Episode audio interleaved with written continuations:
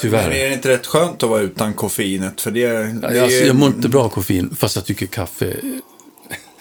Eh, jag älskar smaken och Ja, doften. det är jättegott. Ja, håller med. kommer John som bygger förstärkare. Ja. Fylls på i tomteverkstan här. Trevligt. Men visst har Staffan någon- någon slags verksamhet också? Ja, oh ja. Han kör upp eh, hemma hos sig faktiskt, Ja. uppe på Åsen med Astner Guitars där. Så. Ja. Precis.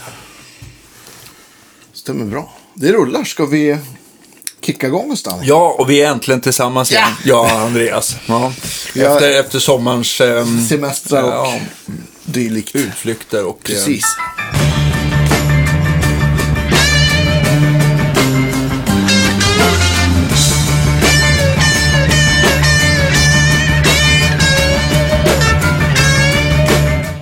allting.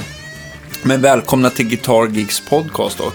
Och välkommen äntligen Ja, Hans tack. Eriksson, Backa-Hans. Ja. En legendar. Ja, visst. Tack.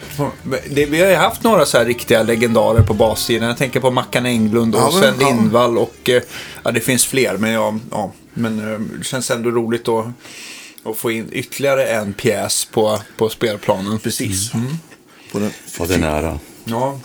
Hur, hur eh, ja, jag eh, vet att du är väl uppvuxen i Kalix någonstans? Jag är född i Kalix. Du är född i Kalix, Ja. men du, var är du uppvuxen någonstans då?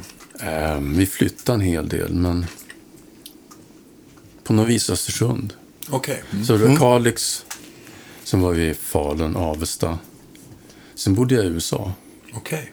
Och så kom vi till Östersund. Var någonstans i USA? Louisville, Kentucky. ah, Louisville. Han kompis som kommer från. Jaha, Jättebra bluegrass-violinist. ja just det. Hur, hur, länge, hur gammal var du när du kom till Östersund då? Då började jag sjuan. Okej, okej. Ja. Så du var nästan, ja du blev några år i alla fall i USA eller? Jag var ett drygt år, så jag gick sjunde klass där också. Okej. Så att, eh, ja. Så där fick man ju höra lite countrymusik. Gillar du country fortfarande? Ja, alltså det är någonting med country som ändå slår an en ton. Ja. Sådär så att, men jag, inte så att jag direkt köper skivor eller så. Nej, jag fattar. Men eh, ibland lyssnar jag på countrykanal. Jag gillar alltid den musiken när jag hör den. Eh, ha- Hade du hunnit börja spela bas även Nej. ändå eller? Nej. Nej, men jag hade spelat mandolin, fiol och gitarr. Så gitarr spelade jag där jag var där. Och sen så basen kom i Östersund. Just det. Varför blev det just bas då? Eller varför bytte Ja, du? det- ehm, När jag kom till Östersund så hamnade jag i samma klass som en kille som heter Ola Lindgren. Okej. Som spelar gitarr och piano. Och han var mycket bättre än jag. Så att eh, då sa jag, men då, då spelar jag bas då. Ja. Och då, då eh, var det så att det, det fanns ett behov av basister. Alltså det, det fanns ingen annan basist. Så att då genast fick jag vara med i en ma- massa olika sammanhang. Så att eh, sen trivs jag väldigt bra att spela bas.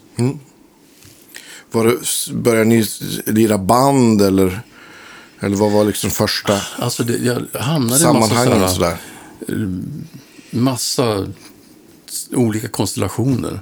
Jag spelade också orkester, sådär, symfoniorkester. Mm, Stråker och... Ja, just det. Ehm, nej, det, det var perfekt. Alltså, jag, fick, jag vet att jag hade spelat tre veckor så åkte jag på turné. Perfekt. Med, med en sån här ungdomsorkester. Ja. Så att eh, det, det, det var... Och jag menar, det, det var ju bättre att ha mig än att inte ha någon bas överhuvudtaget. ja. Men var det någon sån här liksom... eh, Med någon så här kommunal grej eller... Eller, Ja. eller, ja.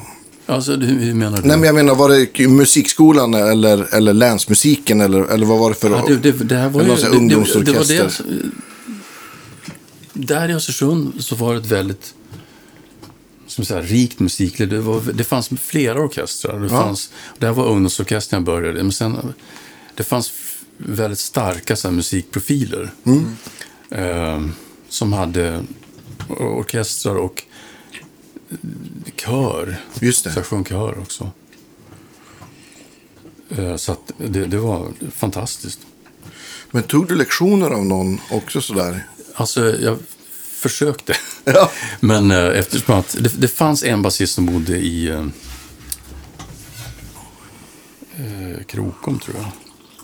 Men han, han ha- hade, jag, jag, jag fick en lektion, men han, sen hade inte han någon tid. Så att, Ja. så att jag, jag fick hålla på själv. Men sen så när jag gick sista året, sista terminen på gymnasiet, då kom det en som började jobba på länsmusiken. Så då kunde jag få, då fick jag en timmas, eh, eller en, en termins lektioner. Just det. Och sen så flyttade jag till Stockholm och började på musikhögskolan. Ja. Med ungdomsorkestern där, du, du, var liksom, du fick hoppa på kontrabas då på en gång. Ja, det här var kontrabass Ja. alltihopa. Men jag tänkte, för att du hade väl ändå lite nytta av att du hade spelat fiol och sådär och du förstod lite grann med intervall och in- Ja, tonering och sådär. jag. Alltså, det har ju funnits musik Ja. Mm. runt omkring hela tiden. Och eh, det, det, har, det har alltid funnits något sammanhang att, att vara med och spela. Mm. För kontra är ju ganska, det är ett tufft instrument då. B- både rent eh, liksom... Bära. Ja, både, både rent fysiskt och psykiskt. Nej, men, Ja. Ja. Nej, men jag tänker som, men som, som barn också. Tu- Tufft insteg så här. Varsågod. Ja, ja det, var- det var... ehm, Men det, det var väldigt tacksamt. Ja. Eh, Jag fick vara med på en gång och, och, och det är klart att då hamnar man en massa saker där man som egentligen var för avancerat. Men eh, det var ju bara att försöka lära sig. Det är väl det absolut bästa. Och ta sig vatten över huvudet lite Ja, lagom sådär. Och som sagt att det var. Eh, det var ju att ha mig eller ingen bas alls. Ja. Sådär. Men sen så eh, var det i... Eh, sen har det kommit flera efter, som har- tagit upp och spelat bas. Så att, det var ett par där uppe. Jag vet inte om ni känner till Per och, jo, och Ola Johansson. ja, det låter bekant. Per han spelar med den här som heter Trio Connex. Just det, ja men precis. Just det. Och Ola var med i Raymond Montana Band. Och vi var i samma gäng då kan man säga. Så att de började spela sen. Just det. Och deras pappa Sven-Erik var en, också en av de här musikprofilerna som, ehm, ja, som var väldigt uppmuntrande och som ja, inspirerande. Ja. Men de här ungdomsorkestrarna, vad var det för genre? Liksom, Ja, det var ju klassisk Det var musik. klassiskt bara, okej. Ja. Och sen spelade jag ju liksom i Östersunds orkesterförening, alltså symfoniorkester också. Ja, just det. Okej. Och där var den här Walter Granlund med som jag försökte ta lektioner för. Just det. Eh, Men jag vet att när jag hade tagit lektioner någon månad. Då så skulle jag spela Matteuspassionen. Eh, Och där är det ju två orkestrar. Jaha, okej. Jag, jag har för dålig koll på Nej, det. ja, just det. Eh, Och då skulle Walter och jag vara i varsin orkester. Men han hade missförstått tiden. Och det här var vid påsk, som det Ja. alltid är med Matteuspationen. Hej. Eh, Så han kom i pausen. Ja. Så du fick spela båda? Ja, jag spelade... Jag, Ja. jag, Eller- jag, jag var själv då. Okej. Sådär, men, man, man sitter... Ja, mot varandra? Ja, på, Okej. I alla fall var det så den gången där. Så det var lite roligt. Men, men var, du- nosade du på, misstänker annan musik också? Och Jag spela, lyssnade liksom? på allt möjligt. Ja. Och, och, eh, verkligen allt, väldigt blandat. För att jag vet att den här Ola-linjen som jag pratade om. Ja. Han, eh, han eh, hade ju grammofon. Det hade vi faktiskt inte då. Så att han, han eh, köpte skivor och det var också så att jag tror att han bara gick in och köpte något som verkade intressant. ja, Och så lyssnade vi, och då lyssnade man mycket på dem. såklart. Så att där var det ju den här um, Bluesbreakers, Mary Clapton. Ja, visst. Han läste serietidning. Den lyssnade vi mycket på. Och så var det ehm, Jan Johansson. Just det. Jazz på svenska. Ja. Och så var det Lars Gullin. Bernt Egerblad faktiskt. Hade en, en, eh, väldigt intressant skiva som heter Schizo som vi lyssnade på. Så att, och Spencer Davis lyssnade vi på med Stevie Winwood. Han hade tur då han köpte skivor låter. Ja, men visst. Och, ja, men, det var, men det var så lustigt att, att, att eh, han- jag tror han bara gick och... Ja, de här skivorna fanns. Ja. Han kanske hade någon bra sk- eh, skivhandlare också som sa vad han skulle köpa. Så Ja, jag vet det här är inte. bra, det här ska du ha. Så i alla fall, men, men de här... Eh, så att... Ja, man lyssnar mycket på allt möjligt. Började du spela liksom också ja, men i poprock och jazz-sammanhang också eller? Egentligen inte. Eh, utan eh, jag spelar i små grupper sådär. Ja. Eh, och eh, till, tillfälliga konstellationer. Mm. Och sen spel, gick jag i en... Det var många i vår klass som spelade och sjöng. Så att, eh, och vår klassföreståndare, Carl Fredrik Gerlander, eh, skrev mycket arrangemang. Mm. Så, att det, att, så att det är flera i min klass där som också blev så här kördirigenter. Och eh, en, Jan Yngve, han, han är faktiskt professor i Göteborg i Okej. kördirigering. Så, så att vi, vi sjöng och sen hade, hade vi en, en sånggrupp eh, i klassen. Just det.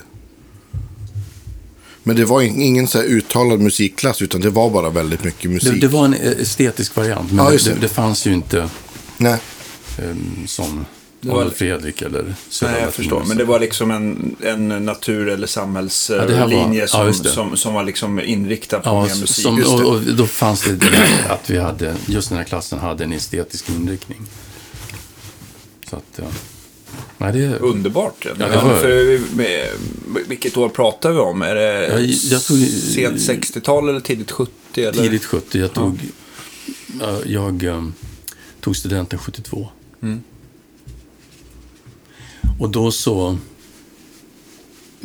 Jag menar, då ville ju jag hålla på med musik. Ja. Så att då sökte jag till musik, Musikhögskolan. Och kom in. Just det. Så att, Ja. Vad sökte du på för stycke, kommer du ihåg?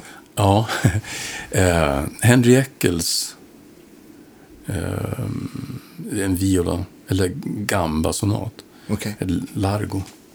Da, da, da, da, da, da. Da, da, da, da, da. Sådär, jät, jättevackert. Är det något du spelar fortfarande ibland? Den kan jag utan till. Ja. Sitter i ryggmärgen. Men, men du kom in på Musikhögskolan här i Stockholm Ja, då. Och, ja. sen så, eh, och då var det med klassisk inriktning som... det var bara klassisk inriktning. Det var väl det som fanns då kanske? Ja, ja, precis. Det var ju det. Så att, att eh, Så afro och folkmusik fanns Nej. inte alls? Ja, nej. ja, musikformerna fanns, men inte, inte som Nej, ja, men det förstår jag. Men inte som, inte som, nej, inte som inriktning. Ja. Nej, men eh, nej, det fanns inte. Så. Det kom folkmusiken där runt 75. ja, precis. Nej, nej det, det, det, var, det, var, det, det var det enda som fanns. Ja, det. fa- Sen fanns det så här Samus och sånt där också så småningom. Men Just det. Hur var flytten till Stockholm då? Var det, var det liksom... Eh, var det plugga stenhårt eller blev det väldigt mycket ut och spela? alltså, vad ska jag säga? Plugga stenhårt. Alltså det var ju väldigt lite eh, schemabunden undervisning. Okej. Jag, jag hade egentligen två dagar. Och sen resten var att, att eh, Öva. öva. Och då eh, hade jag träffat no, några... Och då, då bodde jag inneboende ute i Upplands Väsby. Och, och, vet vet ni vem Oskar Schönning är? Det kli- klingar Eh, bekant. namn. multiinstrumentalist. Ja, visst. Ja. Mm. Eh, Jag bodde inneboende hos hans mamma. Jaha. Så, där, så att, eh, Karin. Eh, några månader, men sen så fick jag en, en lägenhet i Västerås. Tänkte jag kan lika gärna, för där kände jag lite mer folk. Okej. Så att, Och det eh, funkar med, med den pendlingen Ja, också? jag liftade fram och tillbaks. jag, jag, jag, jag, liftade på måndag morgon, så åkte jag in och sen hade jag lektioner, spelade orkester. Så bodde jag över hos någon. Ja. Och sen så hade jag lektioner på tisdagen och sen liftade jag tillbaks. Aha, okej. så onsdag, torsdag, Så fredag var alltid, var alltid håltimme i princip då? Ja, alltså sen var jag i Västerås resten av tiden. Just det. Och, eh, eh, och där fanns, där var, träffade jag också folk som jag spelade med en del. Mm. Så då var men där hände, nu, nu hoppar tankarna Ja, men det är bra. Det är- Det, bara. alltså, du ska bara veta hur vi spårar ur och in och bort. Ja, det Och är, det är fantastiskt att vi ens har några lyssnare kvar. Ja, exakt. Tack Men hörni. det var lite, då så som sagt en tisdag eftermiddag kväll. Eh, så stod det, då brukar jag alltid ta mig till Haga norra. Och så stod det där i lifta och det var innan de byggde om Haga norra. Nu, nu har de ju byggt om allt det Ja. men, men, så jag stod där och lyfte och sen så kom det en bil och sen körde rätt igenom alla filerna. Stannade och, och plockade upp mig.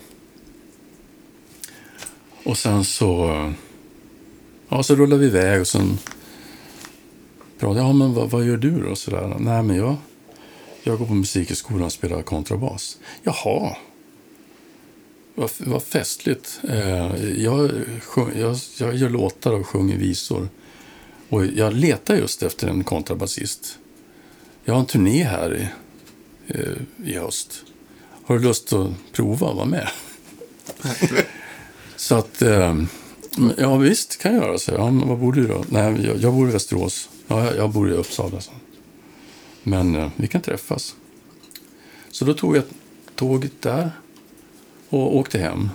Så gick till honom och vi satt och jammade på olika låtar. Och sen, ja men det här kändes bra. Så vi gjorde en månad, jag tror vi gjorde 20 jobb. Och det var Thomas Ledin. Jaha, vad roligt! Så, att, att, eh, så vi, vi gjorde en turné bara på duo ja. där. Så han körde akustisk gitarr med Ja, just kontra. det. Ja. Och då hade han varit med i Melodifestivalen och haft en låt som heter Då ska jag spela, och sånt där.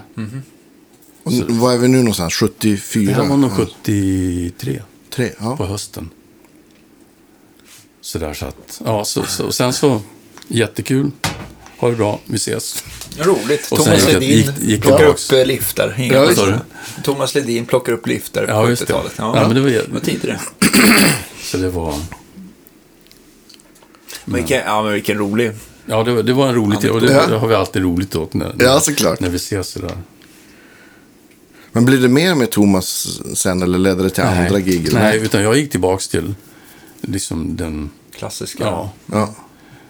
Ehm, och han blev ju mer pop och Thomas Ja. Ledin liksom. Precis. Ehm, så. Nej, det, det, det, kom senare. Ehm, det här med elbasen. Hur kom det sig då? Var det Ja, nödvändigt? då var det eller? också en, en, en, en som heter Ingmar Olsson. Som hade varit i Östersund och spelat. Och då var det någon som hade sagt, ja men eh, Hans eh, spelar bas. Eh, ja, då hade tyckt han, ja, du kan väl hänga på och spela några låtar. Så då gjorde jag det. Och sen gick det, och det kändes bra. Och så gick det väl något år. Och så ringde han, och det här var väl nyår. Och eh, sa jag, jag, hej, det är Ingmar. Jag, jag tänkte spela in en ny skiva. Och jag undrar om du har lust att vara med? Ja, visst, självklart, så. Men eh, jag, jag tänker att det är elbas kanske du vill ha. Du vet att det är kontrabas jag spelar. Jo, men det, men det hinner du väl lära dig, han. Det här är inte förrän i påsk. Så att då skaffade jag en elbas och började öva. Vad, var det för, vad var det för elbas du skaffade först där? Då hade jag en sån här uh, Dan Electro. Just det. Aha. Dy, eller Dyn Elektron. Ja, just det. Mm. Den Eh, italienska varianten. Ja, just det. Mm. Bandlös. Ja. ja, varför inte? Och, och, och uh, ja, det, det, det var den som det blev. Måste jag tänka, har jag någonsin sett en Dyna- Dynelektron bandlös någon gång? Det är inte var dag. Den, och den här hade... Uh, jag tror att det var liksom ritade band på den. Ja, eller så kan det ju varit att den varit avbandad och ifylld av någon också. Eller köpte du en ny, tror du? Ja, jag köpte en ny. Ja, jag köpte den av, av Jerker. Okej. Jaha, på musikbörsen då? Ja, just det. To- Antoni. Precis. då den låg på ja, Sankt Eriksplan där. Ja, men så blev det. Så att då så började jag spela. Och då, det var ju jätteroligt. Och på den skivan så var Per-Erik Hallin med Ja, och spelade piano. legend. Så att, eh, och vi fick bra kontakt och han hade också mycket idéer om, ja men spela så här liksom. Jag, eh, en del ganska svåra grejer som han föreslog sådär. Och I alla fall för mig då. Så att, eh, men det var ju jätteroligt och vi fick bra kontakt och då rekommenderade han mig till lite andra jobb sen. Just det. Så att då, och då blev det mer och mer elbas. Ja, det är väl bara, det är väl bara att inse att eh, jobb ger jobb på något sätt. Ja. Ja, men absolut. Så han tog med mig på lite olika. Och då fick man ju kontakt med nytt folk hela tiden. Så där, Ja, som du säger, jobb ger jobb. Så där så att, sen blev det mer och mer elbas. Och Då du började öva elbas och där, vad, kommer du ihåg vad du började kolla in för saker då? Ja, just det, ja faktiskt. Alltså, det, det, här, först var det att jag, lär, att jag övade för den här inspelningen. Mm. Men sen så ville jag ju fortsätta. Och då fick jag också tag på av en klasskamrat på Akis som hette Jan Rottinkoski. Och då pratade jag med honom och, och eh, att jag ville ja, börja spela elbas och, och sådär. Att jag letade efter någon bra bas. Ja, men du kan få köpa min, sa han. Jag använde inte den. Jaha, vad har du då? Ja, men det är en Fender jazzbas. Mm. Eh, och det här var väl 75, kanske. Jag vet- Eller, ja, mitten där. Så jag fick köpa hans Fender. Och, och, och den här var en, 60, en 65 Mm. Ehm, Och den har jag kvar. Ja, vad kul. Sådär. Och det, det roliga med, med den, alltså nu, jag ska komma tillbaks till Ja, men det är bra. Det är, det är tråden. fint. Här får man eh, spara det- ur hur mycket man... Nu är jag på senare år, så när jag pratade med Åke Sundqvist, Mm. så visade det sig att han var ju barndomsvän med, med Jan Rottinkoski. Mm. Och han var med och köpte den där Jaha. basen eh, när den köptes i Boden. Mm, på Hagströms musik Hagströms måste det varit. För det var Hagström var väl grossister för Fender. kanske. Då i alla fall. Så där så att... Ja, men så var det. Och då, då, då, då frågade du vad det var jag började... Och då vet jag att den första... Då, då, då försökte jag liksom att lyssna på allt möjligt. För att... Vad spelar man på det här instrumentet? Mm. Ehm, och den första skivan då, som jag kollade in, det var ABBA. Waterloo. Just det. Så att eh, det, det var den första låten jag liksom plankade. Är det Rutger Gunnarsson som spelar bas? det är? Rutger. Han spelar jättebra. På alla ABBA-skivor. Ja, fan.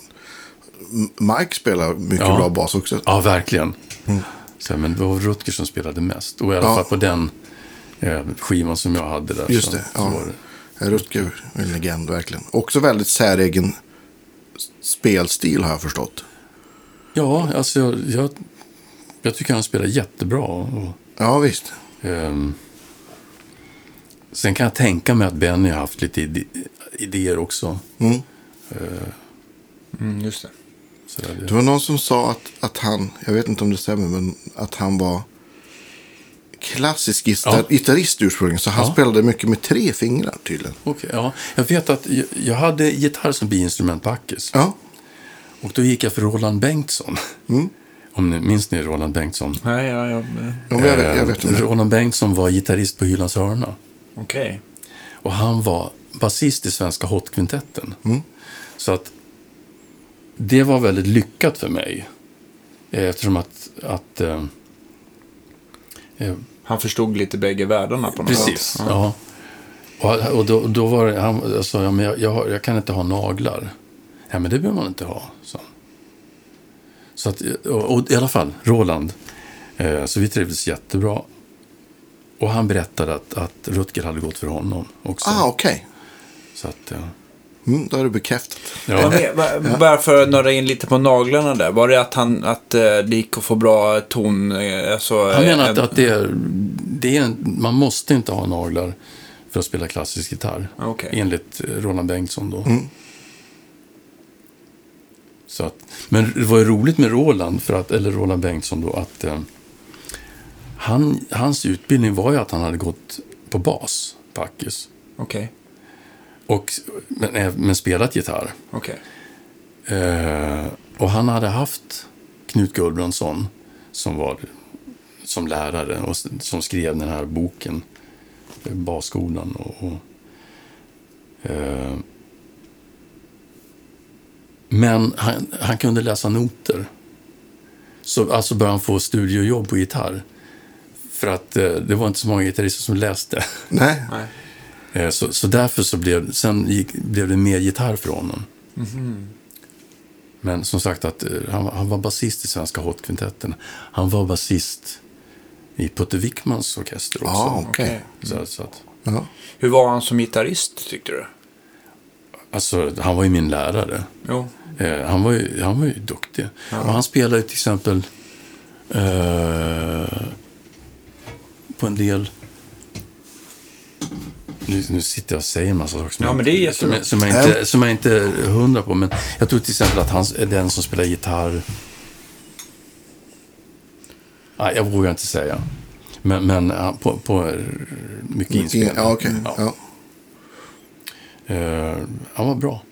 Hur, eh, efter Akis där, var det liksom som att du hade gitarr som biinstrument? Är det någonting som du alltså, fortsatte spela mycket Alltså, jag- jag- efteråt? jag- eller har, har du, har du Alltså- lagt gitarren på hyllan sedan dess? Eller? Alltså, jag menar, gitarr är ett väldigt praktiskt instrument. Om man ska ta ut låtar och, Ja. och sådär. Men, men, eh, och ibland så har jag väl varit i sammanhang där, man där jag spelar lite olika instrument. Okej. Och då, då finns gitarren med där. Sådär, så att, så det, det, jag har alltid spelat gitarr. Och gör det fortfarande. Ehm. men, men sen blev det ju mer och mer bas. Och, och, elbas. Mm. Och då, också en sån annan tillfällighet, men eh, när jag hade gått då fyra år på Ackes, då, spe, då spelade man upp för betyg. Eller, jag gjorde det. Mm. Och då spelade man upp för en jury. Och det var ju jättenervöst, förstås. Eh, och då spelade jag tre hela verk. Dittersdorf, Eccles och eh, Lars-Erik Larssons ba baskoncertino. Jättefin musik. Och sen så vet jag att det var klart och det hade gått bra. Och så gick jag ner för trappan, Backes, och liksom bara andades ut. Då kommer det fram till en kille till mig och säger, vi spelar du bas? Ja. Eh, vi, för att, eh, vi, vi letar en basist för att våran har, har slutat och ska bara bli sångare. Så har du lust att, att, att vara med? Och eh, ja, visst förstås. Jag menar, det hade ju precis gått ut Ackes. Och, och det här var, hade ing, var ju perfekt att få jobb. Eh, så att jag fick ta över alla hans jobb som han hade bokat. Så vi, först spelade vi in en tv-serie. Och sen så fanns det något som hette Fattighuset. Okej. Eh, som sen blev Alexandra, tror jag. Och som numera... Och sen blev så, de här eh, Sami-lokalerna. Just det, på Döbelnsgatan. Just det där. Eh, så att där längst nere i källaren, där satt jag och spelade en, en kabaré. Jaha. Ja, det var en gammal teater. Nej, det var Eller- som en massa valv bara. Ja, okej. Och då var det, i det bandet så var det Peter Lundblad och Lasse Tenander. Ja. Och eh, basisten som blev sångare, som då blev sångare i det bandet, och jag fick ta över och spela bas, hette Palle Sundlin. Okej. Eh, så det var ju perfekt. Vilket flyt. Eh, så, men där tog ju min, vad ska man säga, mitt liv en helt annan vändning. Ja. För att jag, jag hade ju spelat kontrabas och nu blev det ju bara elbas Ja. där. Och sen så eh, mer och mer den typen av jobb. Så att, ja, det var... Det var Jag tänkte på, eh, bara för att backa till kontrabas här, för det är ju ett väldigt eh, speciellt instrument. Jag tänker på bra kontrabaser för klassisk musik. Det är ju det är ju inte gratis, kan jag tänka mig. Eh, eller Ja, du menar dra, ja. alltså, och, kost, att de kostar? ja, men precis. visst. Kom du ihåg vad du hade då? Var det, liksom, var det, det, det var väl dyrt även då att Alltså- köpa kontrabaser som, som lät bra?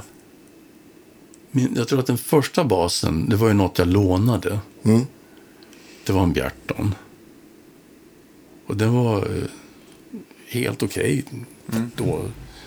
Och sen så köpte jag en som hette Benedikt Lang.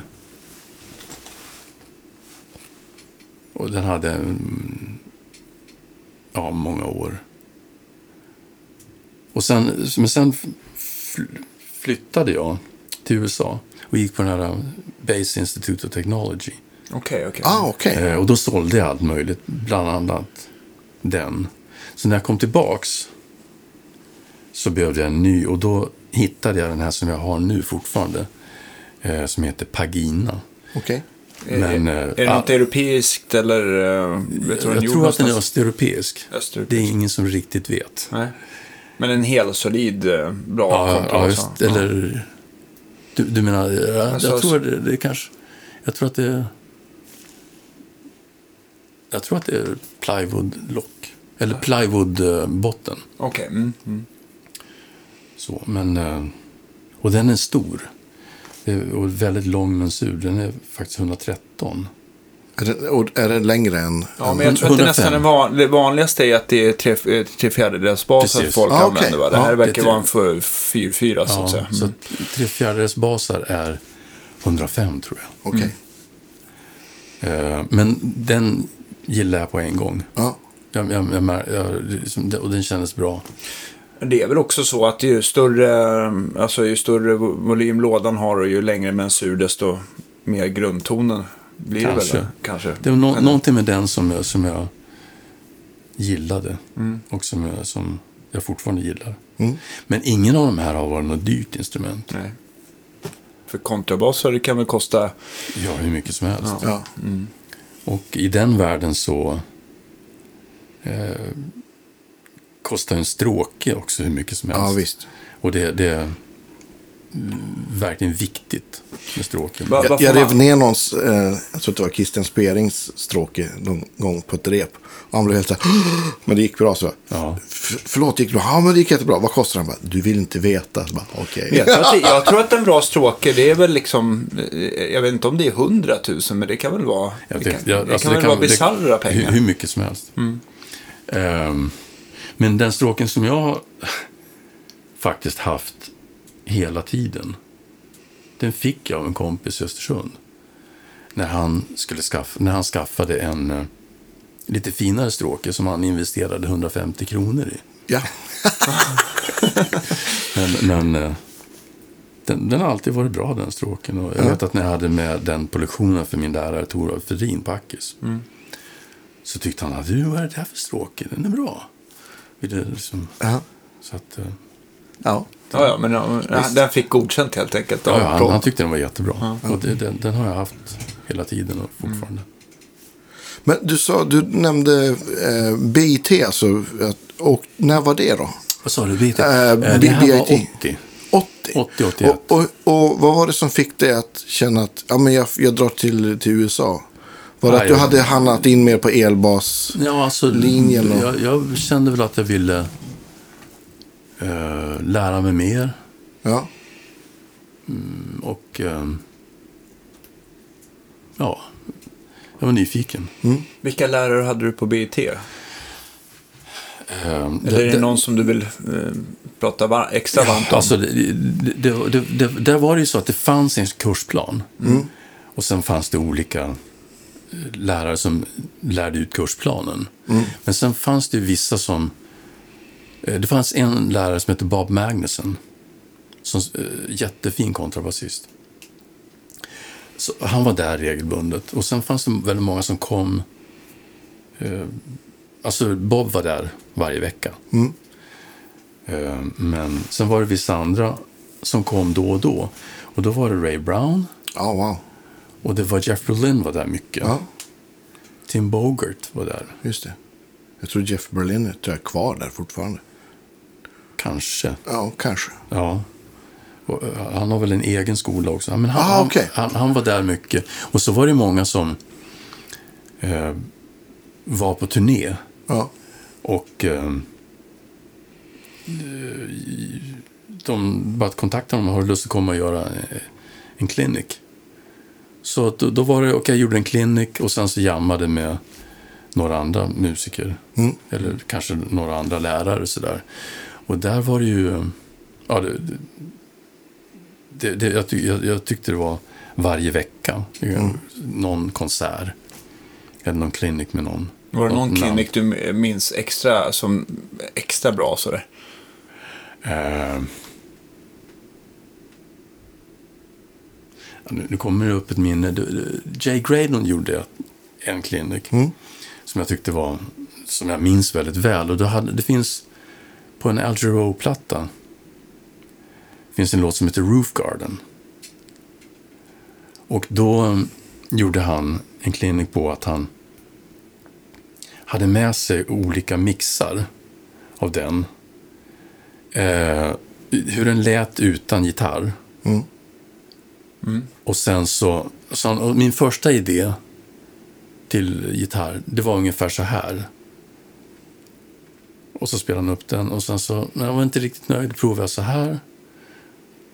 Och sen så gick han igenom lite olika varianter. Och så fick man höra till slut hur det blev. Det, det som blev den. Ja, vad kul. Det, det tyckte jag var en ja väldigt... f- eh, vilken bra, bra upplägg på en Ja. klinik. sådär. Och han var... Gör- Varför gör inte fler så? Eller det är ju det är ju i och för sig det är ju ganska tidskrävande men Ja. bara, bara, bara intressant. Alltså. Ja, ja, det, det, nej, men, men det var överhuvudtaget också att... Eh, tyckte jag var väldigt intressant att träffa de här musikerna som man hade hört. Och också få en känsla för vad de är för personer. Mm. Sådär så att... Och då eh, var det mycket ja, men mer improvisationsinriktning på, på lektionen då, misstänker jag. Ja, alltså... eh, De, de har, det är ju vissa ämnen och då, Ja, det, just det, det, ehm, Ja, visst. Det, det, men det, det, fa- det fanns ju inom, det inom jazz, det fanns inom rock, Mm. inom ehm, vad ska man säga, harmonilära, Just det. allt möjligt, notläsning och ehm, sådär så att ja, jag tyckte det var jättebra. Och sen miljön, att det, det fanns ju hela tiden en massa saker att gå och lyssna på. Man, Ja. man kunde gå och höra någonting varje kväll som du garanterat hade om de hade spelat i Stockholm så hade du varit där. Ja, visst. Och det, det, det fanns eh, någonting varje kväll. Det, det hände. Ja, eh, LA 1980, ja men det har väl alltid varit en hubb för musik. Försöker tänka på, ja men alla... Ja men bo- både liksom, om man tänker alla, alla Toto-människorna och ja, men det, Jay. Graydon och, Ja. och, Och då ja, fanns men ju Larry Carlton. Och, Larry Carlton hörde jag många gånger ja, det kan jag tänka mig. spelade ganska olika stil Mm. eh, från gång till gång jag var lyssnade på. Så det, ibland var det fusion, ibland var det mer jazz och, och liksom så här jazzburk. Ja, just det. Eh, Eller och någon kväll som han spelade mycket country också. Så. Okej. Han var mästare på alla. Ja, och så hade olika sättning så att ehm, första gången jag hörde honom då var det med det här bandet, typ bandet som var på, vad heter den? Heter den Room, 335. heter LPn så? Ja, jag tror det. Ja. Så det var Greg Matheson, Abraham Laboriel, eh, Jeff Procaro. Bara legender. Ja, och sen han då på Baked Potato. yeah. Som är ett väldigt litet ställe, så man, sit- man sitter ju I bandet. Ja, på något vis. Eh, det var ju första gången jag hörde Abraham Laboriel. Ja. Och det var ju fantastiskt. Både spelmässigt och soundmässigt. ja. Och att sitta precis framför förstärkaren. Var... Vad, vad spelade han på då? Kommer du ihåg det? Eh, alltså, som jag minns det så var det den här lilla italienska. Vad heter den? Goya. Just det. Mm. Men sen har han spelat på alla möjliga.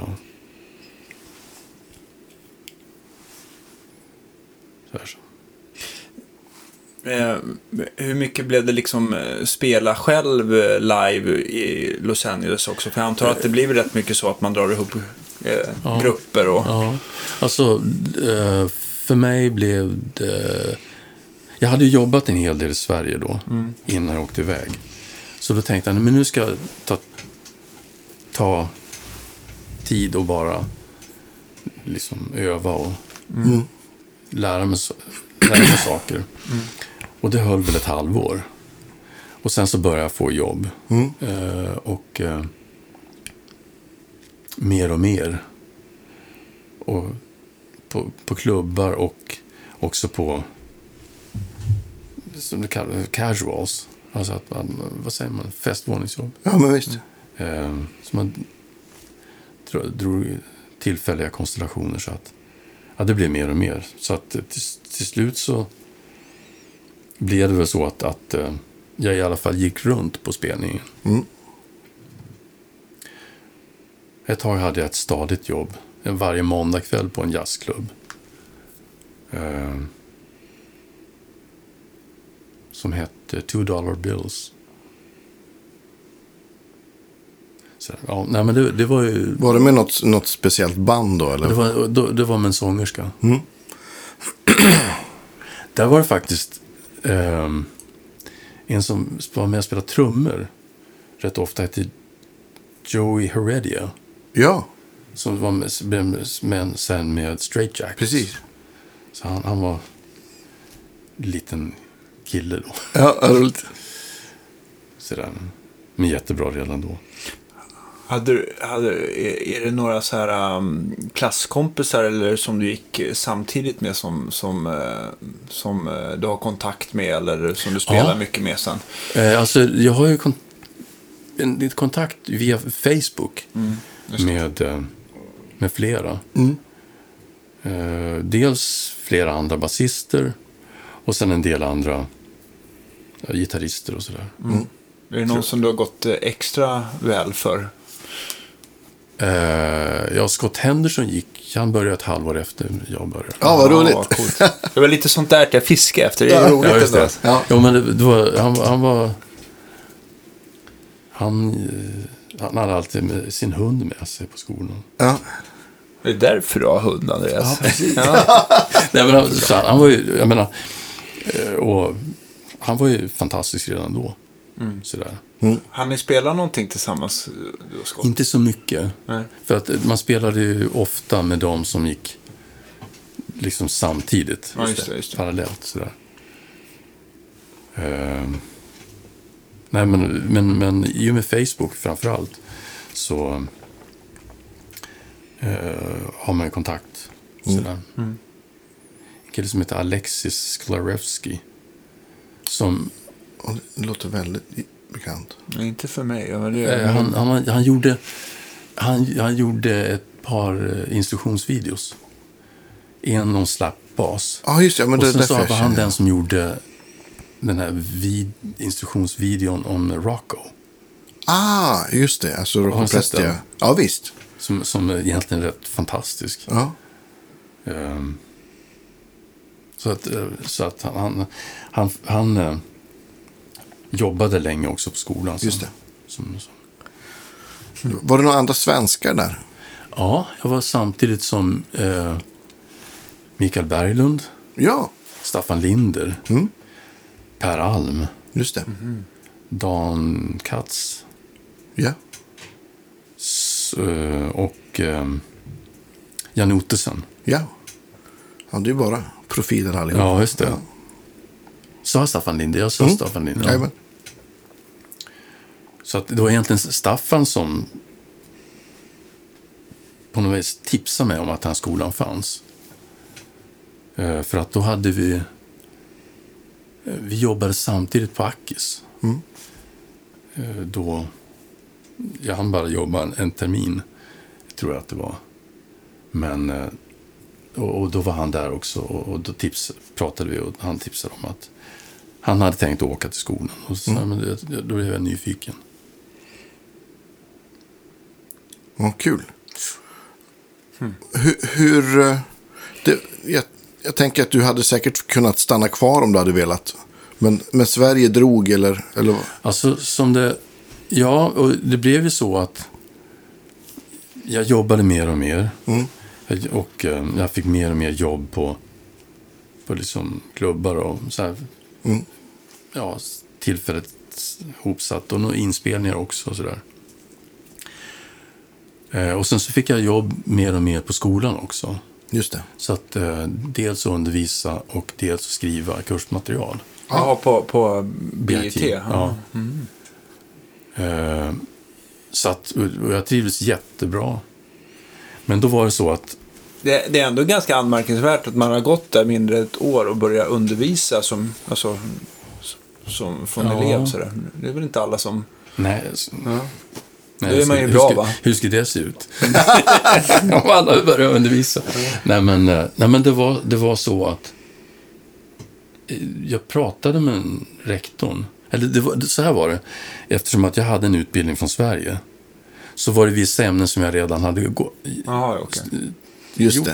Alltså, ja, jag menar, såklart. Eh, och, och, så att jag undrar, frågade, kan, det här har jag redan gjort i Sverige. Eh, kan jag få sätta ihop ett eget schema? Så att, eh, ja visst, det kan du väl göra. Mm. Så då så tittade jag på det som fanns. Både ja, bas eh, och de som hade börjat ett halvår innan mig. De hade ju andra lektioner. Så att eh, då, då kunde jag sitta in på en del av deras. Så kunde jag sitta in en del på gitarrlektionerna. Mm. Och en del på trumlektionerna. Ah, Eh, och eh, trumlektionerna, då var det faktiskt framför allt Ralph Humphrey och Joe Procaro mm. som, som hade dem.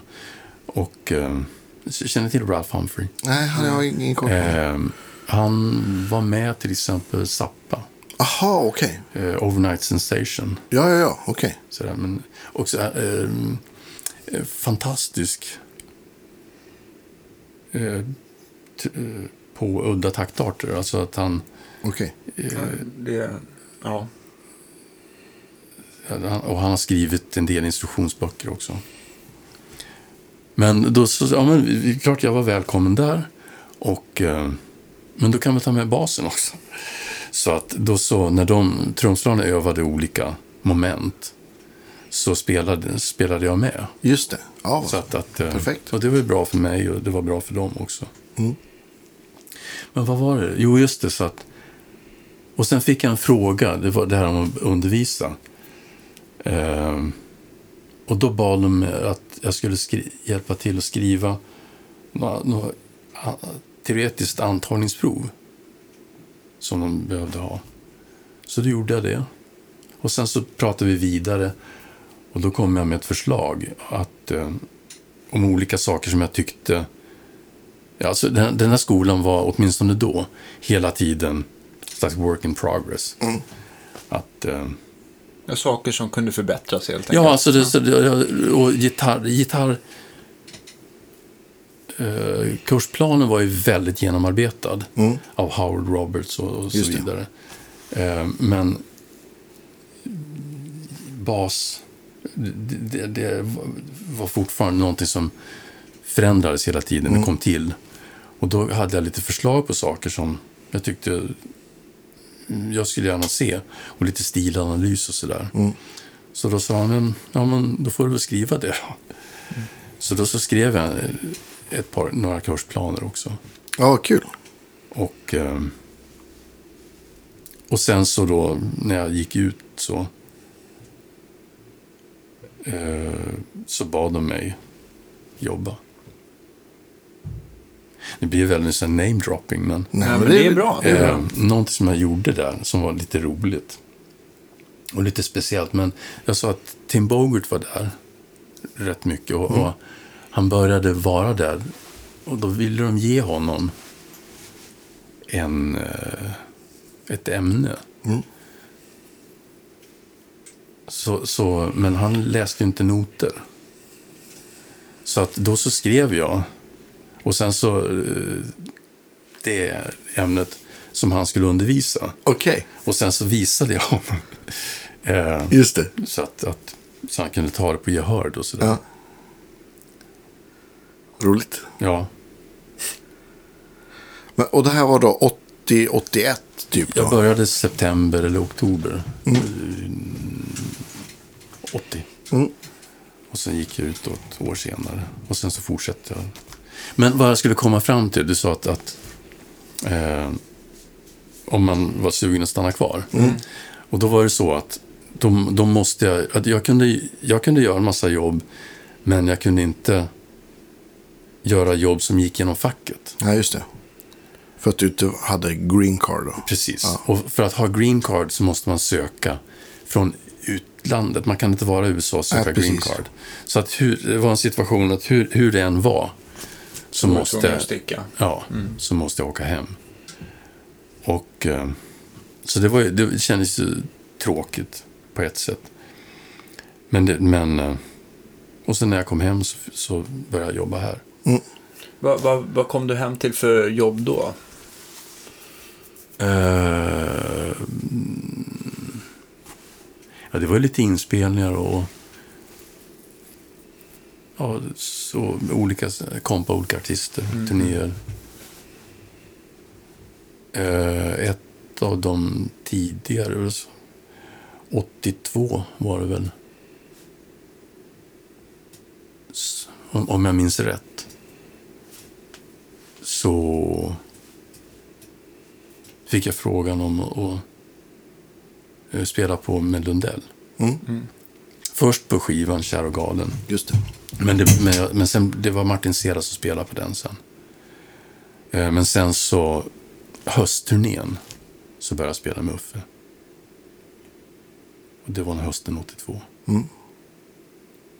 Så, så, så, sen höll ju det på. Så där, och andra saker. Just det. Vad hade du med dig för bas till USA? Min jazzbas. Det var jazzbas, jazzbas. Ja. Och så hade jag en, eh, en elkontra som eh, en som hette Janne Kemi Just det. byggde. Ja. Som var solid mahogny. Ah. Svintung. Eh, som sen blev stulen, tyvärr. Men, eh, men det, det, det var jazzbasen fortfarande bara Mm. då. Köpte du med dig något från USA? Någon bas? Ja, inte då. Nej. Men jag hade varit över en- ett eller två år innan och gjort en inspelning. Och då hade jag hittat en, en eh, sån här gam, den första typen av, av eh, precision bas. Just det, mer tele. Just det. Mm. I Med det som heter reci- Mm. Recycler. Just det. Och det var nummer 185. Ah, wow. Eh, så att då, den, hade, den, den köpte jag då. Var, var den blond i färg? Ja. Ja. Alltså så här lite krämfärgad, man ska säga. Ja. Som jag sen sålde till Bosse Persson. Som sålde den till Arne. Eh, som spelar med Sky High. Just det. Mm, just det. Blom, Blomgren.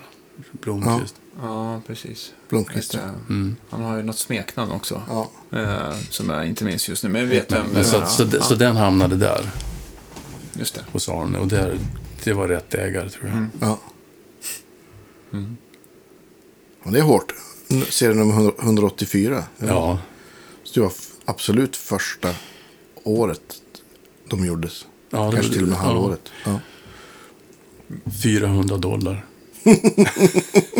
Värt lite mer idag kanske. Ja. Ja. Jag tänkte på, jag tänkte på um, vad hette det, eh, Lundell där. Det var väl ändå eh, på den tiden som PA-grejerna inte var så här jätte, eh, jätte, jättebra och man var tvungen att ha relativt hög volym från scen. Ja, ja.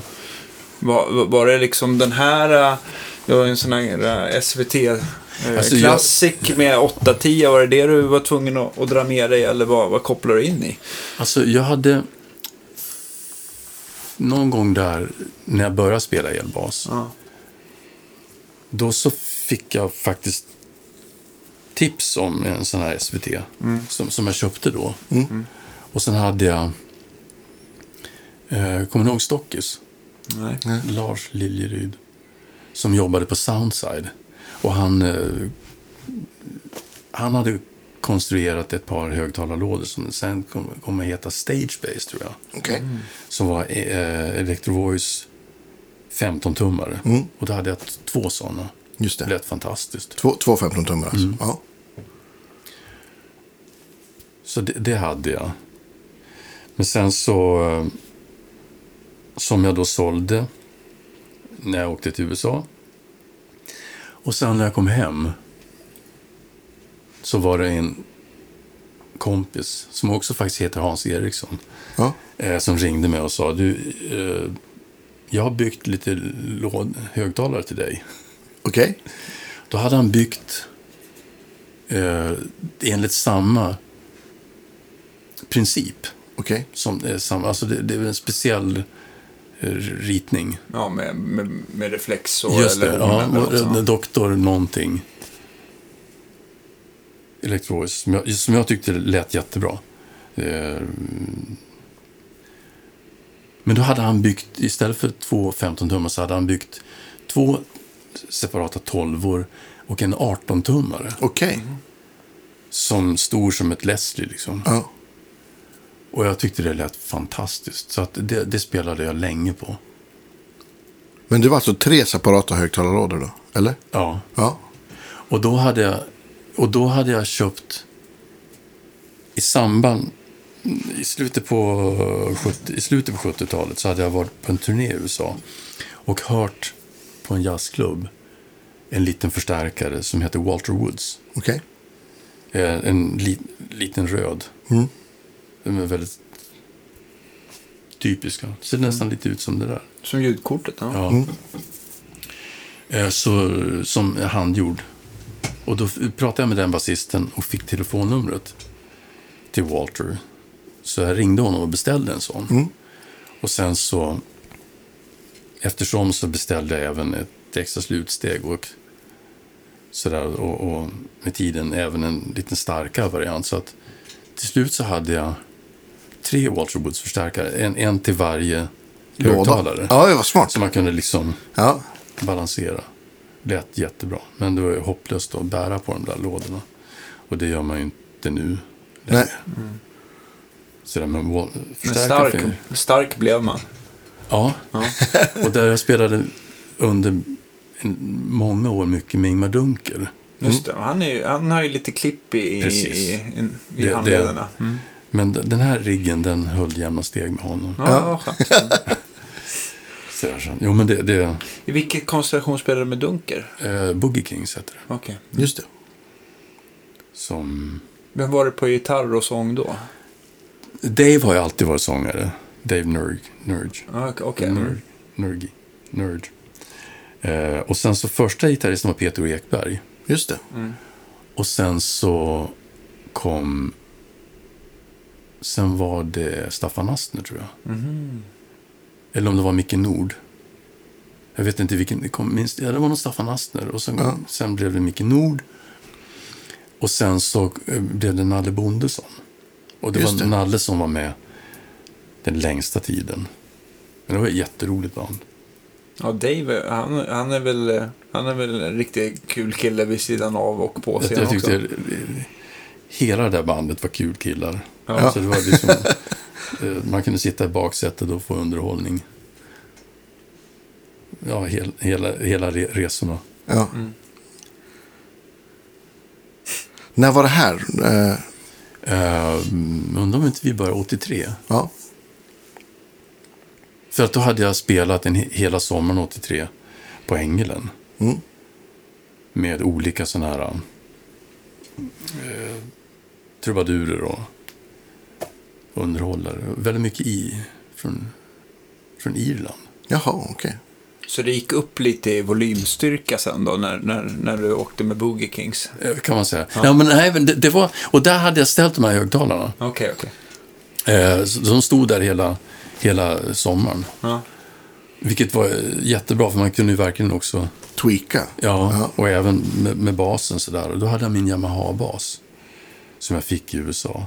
Men en sån här BB2000 eller 3000? DB 1200S. Ja. Som... eh, Ja, ja, den hade jag med mig från... Du frågade om jag to- tog med mig något instrument hem från, från USA, men den hade jag med mig. Mm. Och den, den fick jag som ett slags pris från Yamaha. ja. Årets student. Ja.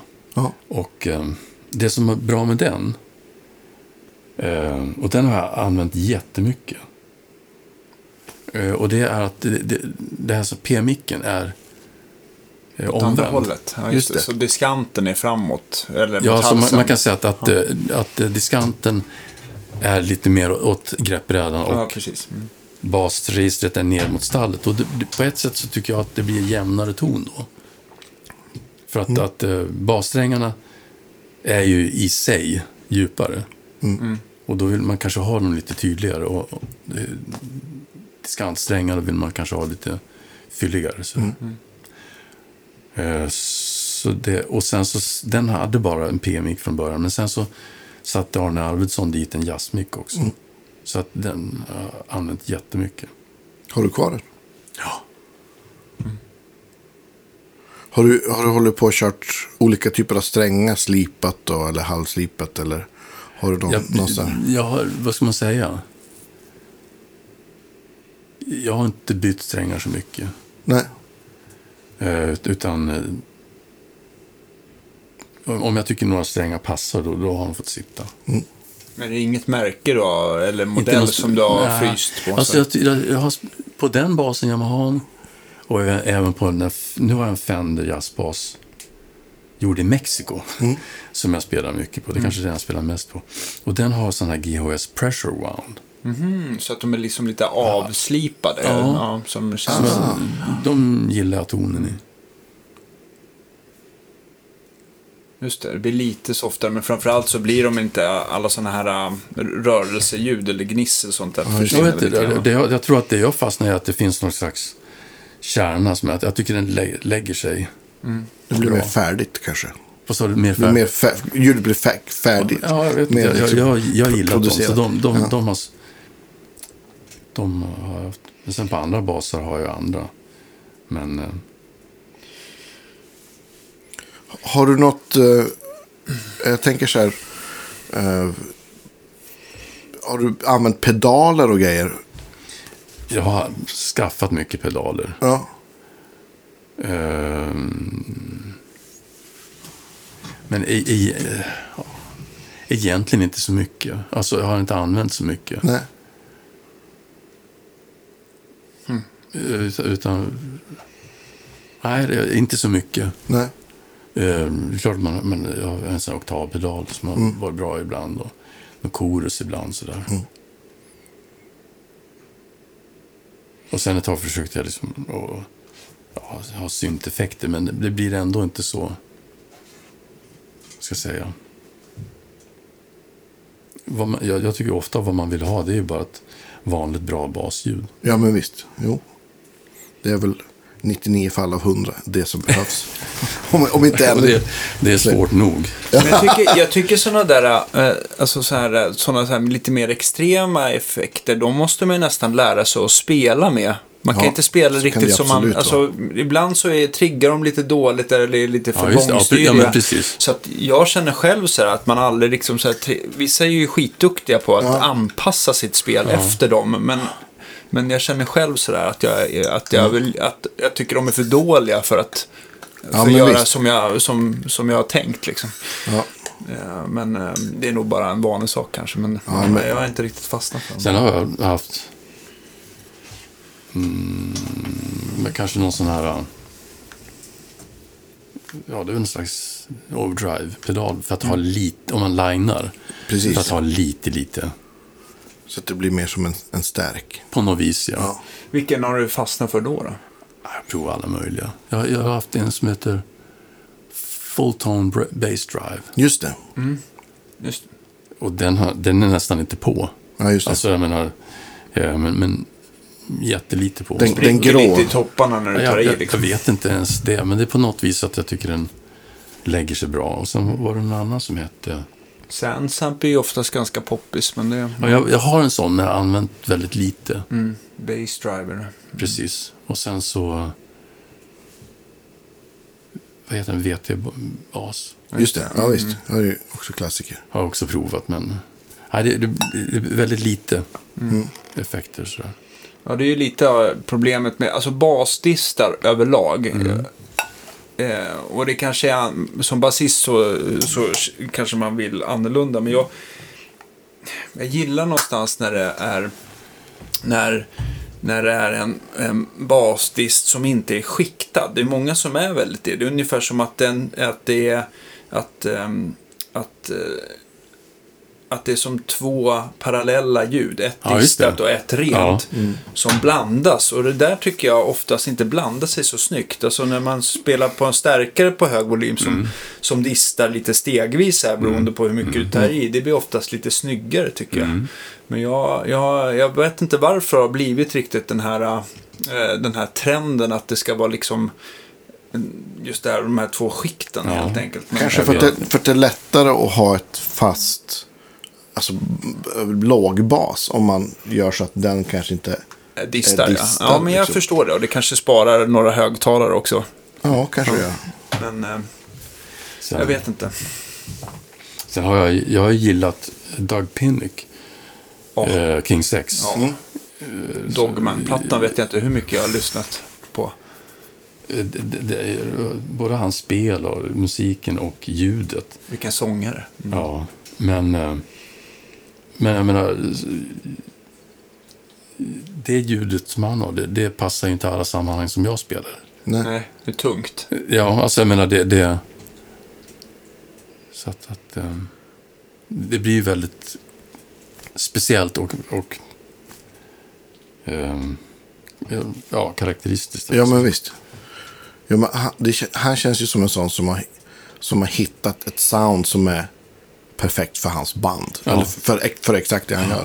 Fan, det är svårt, tänker jag, att hitta en bättre alltså, rocktrio i den genren. Nej, de är Ja, det är fantastiska. Det är så fruktansvärt eh, bra på alla sätt och vis. Men han hade ju eh, väldigt länge en separat gitarrförstärkare. Just det. För bara, som, som man, För dist liksom. för disten. Sådär, men nu finns det en pedal En som signatur. ska kunna göra Ja. det ljudet. Men Ja. som sagt, att det, det, det, är- det, det är för vissa speciella sammanhang. Men jag, alltså just det här, eh, alltså jag tycker ju oftast, eller det här vad jag tror i alla fall, ba, som basist så är väl att man vill nästan ha lite mer grus på toppen än en rent distat, alltså som gitarrist vill ha ett distat sound.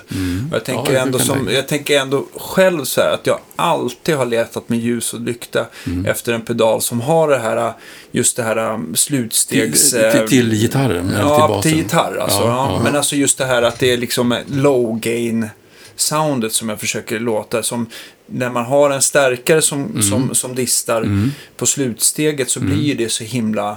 Det, blir ju, det är svårt att hitta en pedal som gör Mm. just det.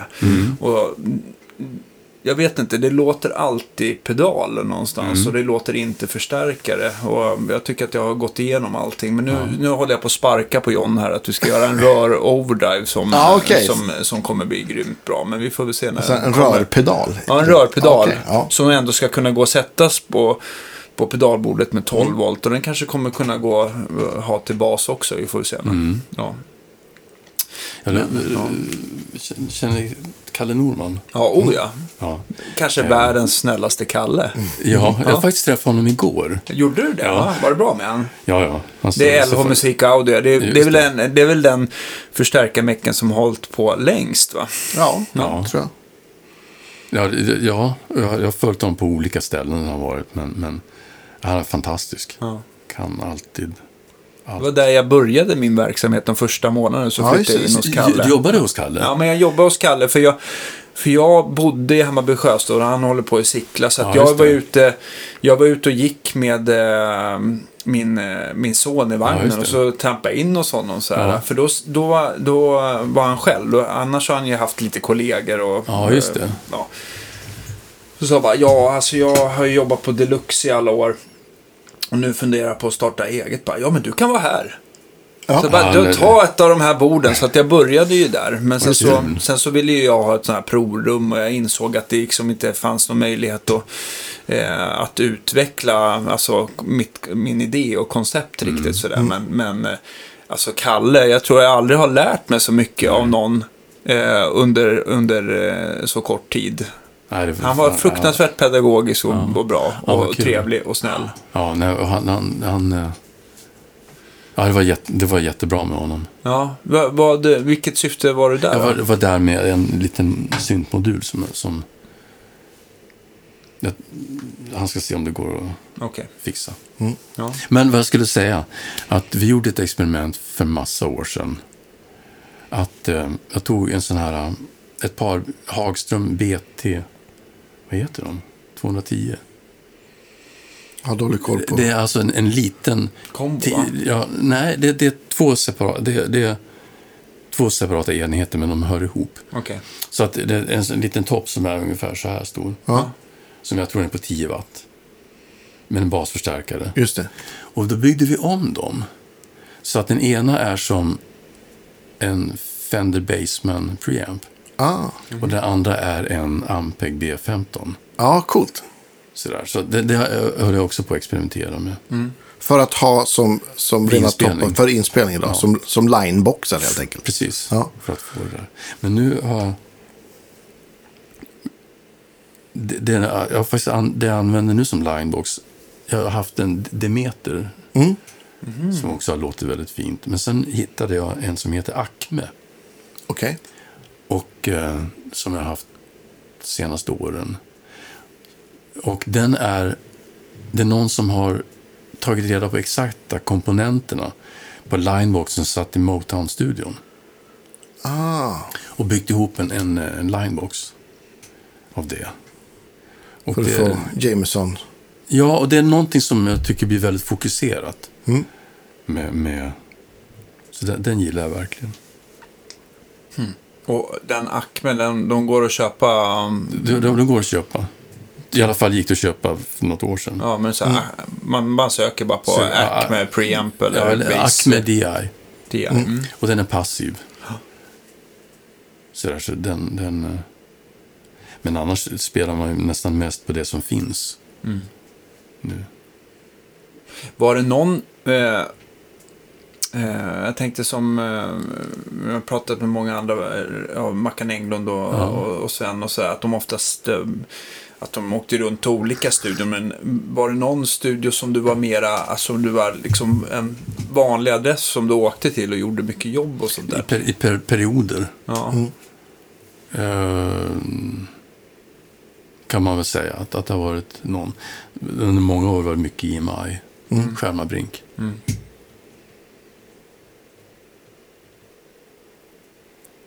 Ja. Mm. Alltså, det var roligt med, med Kalle Norman. Ja. Du pratade med honom. Eh, jag berättade om den här Walter Woods-förstärkaren. Mm. Och eh, då så vet till, du- vi, då var det en som ja, bara tystnade.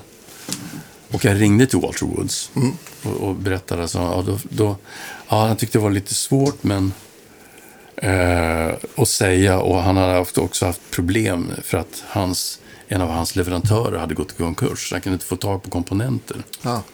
Men finns det någon i, i, i Stockholm som kan hjälpa dig? Så där, jo, men jag, då kommer jag att tänka på Kalle. Så att jag åkte ut till honom, lämnade förstärkaren och sen så ring, ringde Walter till Kalle. Och de satt över telefon. Han, då bodde han i öknen.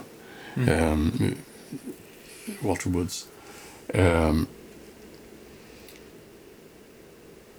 Och så, satt, och så bara tog han och gick igenom. Ja, så började vi längst upp till vänster.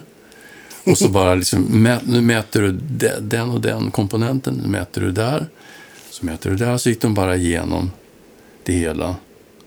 bit för bit, tills de kom till ett ställe där då, okej, här har vi felet.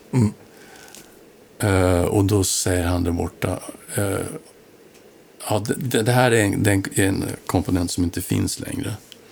Men det finns en som skulle kunna funka också. Om, om du kan få tag på en sån. Och då tittar Kalle i lådan. Om jag har en sån här, då hör han i andra sidan. Underbart. Så jag tror de satt och, de satt och snackade, liksom, de två, i en timme. Ja. Och den blev fixad. ja, roligt. Ja. Har du kvar de topparna? Eller? Ja. Den for, är de fortfarande bäst i test, tycker du? Alltså, jag, jag tycker de är jättebra. Mm. Jag, jag har aldrig känt något behov av att byta. Men jag vill minnas att, eh, för jag träffade dig första gången när jag jobbade på Deluxe, Ja. så jag kommer inte ihåg vilket år, men jag kommer ihåg att då var du väl ändå inne lite på eh, att du ville ha någon, något eh, lite, alltså du ville inte ha, släpa på 18-tums Nej, nej, nej, EVA-grejer, precis. utan du ville ha något som var ganska Just lätt. det. lätt Jag jag eh, letade mycket. Vi, le- vi letade väldigt mycket Ja. efter så portabla Ja, småstärkare som ändå du tyckte lät tillräckligt bra Ja. för, för men, Kommer inte ihåg att jag för mig att vi provade Mesa och det var Mark Base och Ja, det. allt möjligt Ja. sådär. Jag kommer inte ihåg vilken tror fastnade för. Men Nej, alltså som... Egentligen ska jag säga att det är den Walter Woods Mm. som har hållit och som jag egentligen aldrig... Då, den är ju liten. Det är högtalaren som är problemet. Just det. Just det. Ehm, Men hittar du någon, kom, någon kompakt högtalare som ändå gick för att det har ju kommit ganska mycket ja, lite mer Ja, lättvikt. jag, har, Ja. jag, jag har letat och det... det Nej. alltså det, den... Jag har, nu har jag en sån här Rumble. Fender Just- Rumble. Fender, just det. Just det. Som är en, en kombo. Ja, det är helt otroligt. Men jag kommer ihåg första gången jag lyfte den. Då var det inte så vanligt med, Nej. med så här lättviktsneodymelement. Alltså de väger ingenting. Nej, det- och så det- var det, det typ bara- så här 400 watt. Ja, men det, eller 500 watt. Ja, jag har är 100. Mm. Och den, den låter jättebra. Den är, den är, det är liksom en glädje att bära den. Ja. Sådär. Och, eh, Det är bra. En förstärkare som är en inte- glädje att bära. Den kanske inte hade räckt med, med Boogie nej, Kings. nej, det hade den inte Nej. gjort. Nej. Men, eh, och sen har jag... Eh, så så, så det, det, den, den, den använder jag mycket. Sen har jag faktiskt en sån här Phil Jones. Just det. Double Four. Och det är två 4 tums element. Just det. Och den väger heller ingenting och det är en, det är en kombo. Ja. Men den, den funkar alltså till de allra flesta sammanhangen. Så, så är den precis tillräckligt. Alltså helt otroligt egentligen. Om Ja. det är två stycken Ja. fyrtumselement. Ja. Funkar den på kontra också? Eh, Jag, jag, jag spelar mest, det, jag gör mest det, det är att jag har den till min elkontra. Just det. Eh, och det var det som jag skaffade den till. För jag har en sån här elkontra som heter Eminence. Okej. Eh, som har, den, den har en, en kropp fast den är väldigt liten. Mm. Och eh, då vill jag bara, målet var att bara ha någonting så att man får upp volymen så att det blir som en vanlig akustisk kontrabas. Just det. Men det, det, det, det har man ju med råge. Ja, oh ja. Och det, det går bra att spela elbas på den också. Ja, fränt. Eh, även med trummor. När det gäller micka upp kontrabas. Ja. Nu, har, nu kör väl du misstänker jag mest eh, stålsträngad kontra, inte så mycket scener eller? Jo. Både och? Både och. Okej. Har du hittat någon mick som funkar bra för bägge? För att scenerna går ju inte med magnetmick om man nu gillar det. Eh, pratar du nu... I vilket sammanhang? Ja, men jag tänkte på kontrabasen, där är ju ofta så här, eh, så här blues och Ja, rockabilly-basister. det, ja. De brukar ju ofta sätta någon, någon kontaktmick, som man klämmer fast shadow eller någonting det, sånt ja. där. Eller, Ja. Det finns ju fler tillverkare, Ja, bara det. för, Precis, bara och- för det och- kommer och jag inte på. också. Mm, men, ja, men inte, den här klickmicken brukar ju sällan bli bra, den här som man fäster under det, greppbrädan. ja. Den, vill man, den, den, den, den ryker efter, för det blir så här, det blir så här konstig piezo-knäpp, eh, oanvändbart. Men, men eh, då är det snyggare att sätta en SM58 eller någonting framför strängarna det. så kan man det. reglera det. själv hur mycket klick man vill ha Just det. akustiskt. Va? Ja. Eller akustiskt, men ja, Ja, med, jag- att man mickar basen så. Ja. Underwood lite opop- tror jag att det fanns också. Och så, någon märke. Underwood. Underwood, Underwood, den var ju väldigt populär. Den Ja. har jag på en bas. De, de sätter man ju liksom in i de här äh, skålor, skårorna. Ja, just det, Just precis, sidan ja. Eh, Där är det viktigt att man har en preamp. Ja, för de, ja, precis. För de är ju passiva och de kräver... de har ju så knappt det- att- output va? Ja, alltså det blir ju... Det var som Rickard Rolf sa till mig, att, att, att piezomick utan preamp, eller alltså impedansanpassning då, det är som att äta soppa med gaffel. Bra, bra liknelse. Han är ju en gäst som jag, vi bara måste ha. Ja, faktiskt. Ja, Ja. bra det, det, det, faktiskt. Världens och duktig gitarrbyggare också. Och, eh, men jag tänkte bara, han måste ju ha ett och annat att säga om november. Och en av, eh, Ja, kan, en av, de, eh, en av de trevligaste Rickard som finns där ute. Ja. Mm, nej, men, Du, du får styra upp det jag styr upp det, absolut. Ja, Ja. det, det, han är intressant och mycket intressanta idéer. Mm. Eh, men, men, så, så att, eh, men Underwood, den var ju väldigt dominerande ett tag. Då. Ja, just Jag det. har det på en bas och sen har jag sån här stjärtler på en. Just det. eh, som är eh, så här, ett element som sitter i en slags korkbit. Just det. Och den fäster man, sätter, är det den man sätter under stallet eller? Ja, det är, den, den heter eh, Realist. Ja, just det. Eh, som en sån här kopparfolie. Det har jag på min elkontra. Okej. Och den här eh, stjärtlet sätter man i, in i stallet. eh, Det där runda hålet, eller man ska säga. Just det. Vid, vid vingarna. Det är ju alltid, alltid det är med att förstärka akustiska instrument. Det är ju alltid någon form av kompromiss. Ja, alltså Så jag tycker det- att, att mycket blir det att man försöker på olika sätt skapa en, en slags illusion av att precis. man hör det akustiskt. Fast Ja, exakt. det, det, det, och som med kontrabas är det svårt med rundgång. Mm, såklart. Eh, och sen så tycker jag att försöka få till ett pizzicato-ljud som samtidigt som man vill ha ett bra stråkljud. Mm.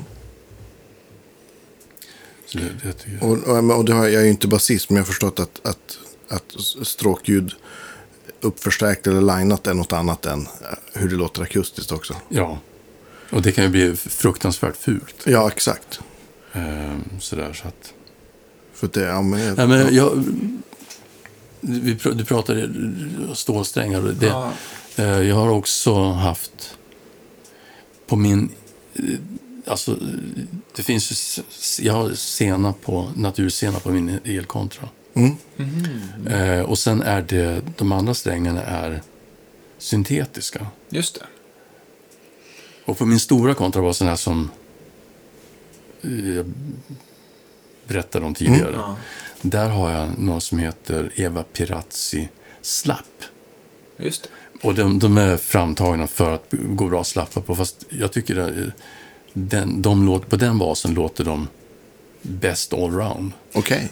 Okej, för, för just det här med slapp och stålsträngar, dels så sliter det rent Mm. på fingrarna att de är lite hårdare att spela. Se- Senare är väl liksom lite mer till mötesgående. visst. Ja. Men senare är problemet, ifall man är eh, förvirrad, att, att inte stämma ner och det, fukten går upp och ner så kan strängarna liksom, de kan liksom eh, spännas så hårt av fukten så att de går av på, över Ja, det har jag inte varit med om, men, men alltså... Det tar, att det, det- att- det, tar väldigt lång tid för dem att sätta sig. Ja, och att de stämmer om sig ganska Ja. mycket. Men de här syntetiska, Ja. nu finns det ju massa varianter med kevlarkärna och stålkärna fast med Just nylonlinning det. och det finns ju... Mm.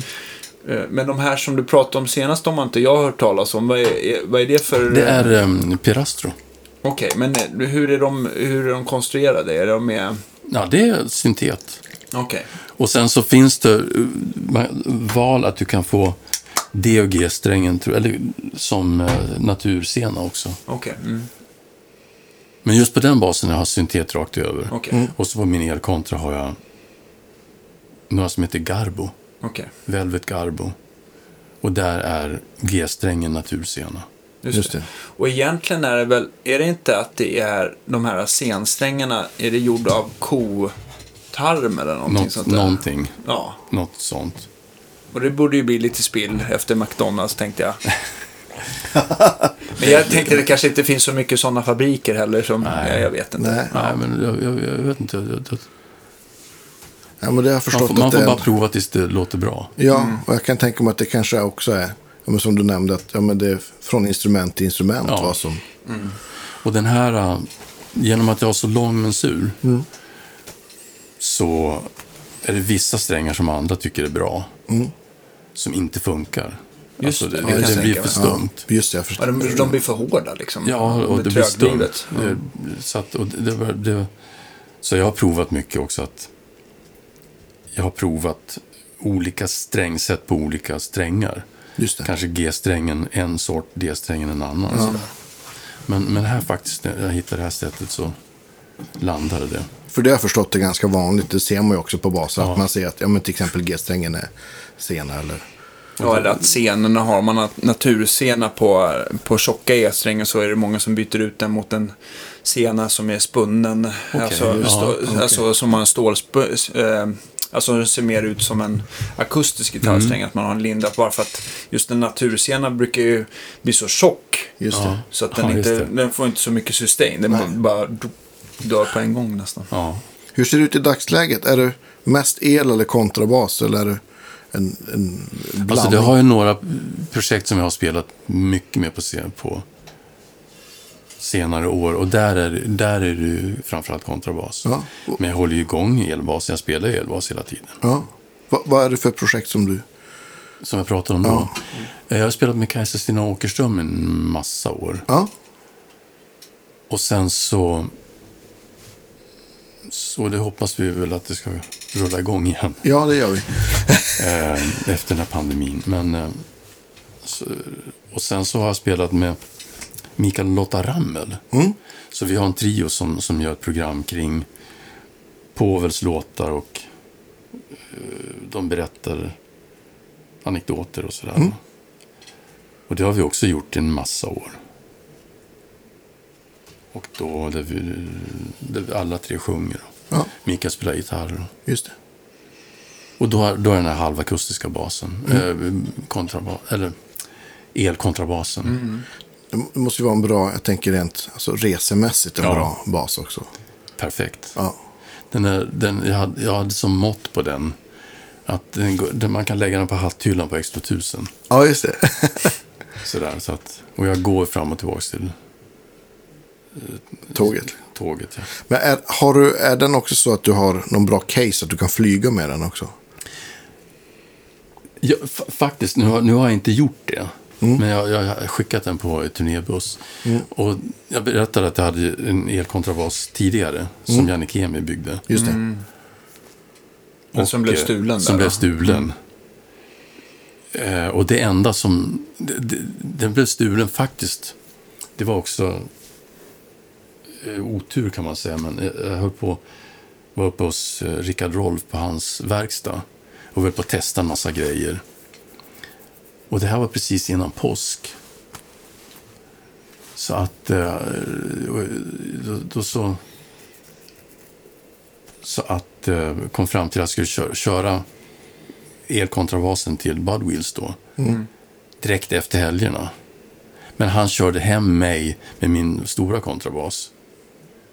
Och så ringer han nästa morgon och berättar att det var inbrott. Nej. Så, och då hade de tagit elkontrabasen men lämnat caset. Ah. Så det, det har jag kvar och det har jag byggt om så att det passar den här nya nu. Och han blev ju av med instrument och han blev av med bilen. Men fick tillbaks instrument och fick tillbaks bilen också kanske ett halvår senare. Okej. Alltså, det var, det var l- länge efteråt. Men Vilka- basen är bara försvunnen. Tråkigt. Man, man tänker att det är också en sån här, det låter ju som ett så unikt instrument så att det skulle Ja. vara svårt att, Ja, man kan spekulera vart det, vart det har hamnat. kanske inte är kvar i Sverige ens. Nej, det tror jag inte. Nej, det är väl, jag höll på att säga enda chansen, annars skulle ju någon känna igen det förmodligen. Det, Det det, får vi se efter podcasten här kanske. det, det, och det är lite märkligt för att... eh, Känner ni Nisse Palm? Nej. Eh, kontrabasist Och som hade också en sån nätbutik som hette Bon Tracasso, tror jag. Okej. Eh, men när jag, när jag byggde, när jag bygg, lät bygga den här elkontrabasen så såg han den. Den första, Janikemi. Så att när jag hade åkt till USA och tagit den med mig, då tog han kontakt med Janikemi och beställde en likadan, fast Aha, femsträngad. Okej. Okej.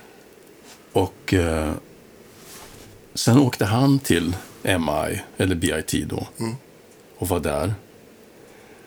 Och blev rånad på den. Nämen. Så att han, ja, alltså, han, han blev rånad på gatan. De gick och bar på den. Så den var ju försvunnen. Och sen så började jag bli stulen på min vid inbrottet hos Rickard. Och då började jag kolla runt. Och hittade Nisse på, på en annons. Nej! Så den dök upp. Efter hur många år då? Alltså, Ja, det var... När var det här? Mitten på 90-talet kanske. Okej. Så att 15, säg, säg 15, 10-15 år senare.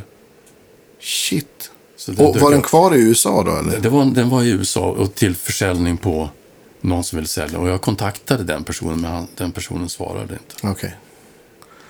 Och det hade ju, för mig, det hade blivit ett försäkringsärende både för honom och för mig. Så att Ja. vi hade ju liksom, jag fick faktiskt, Rickard hade bra försäkring på sin lokal.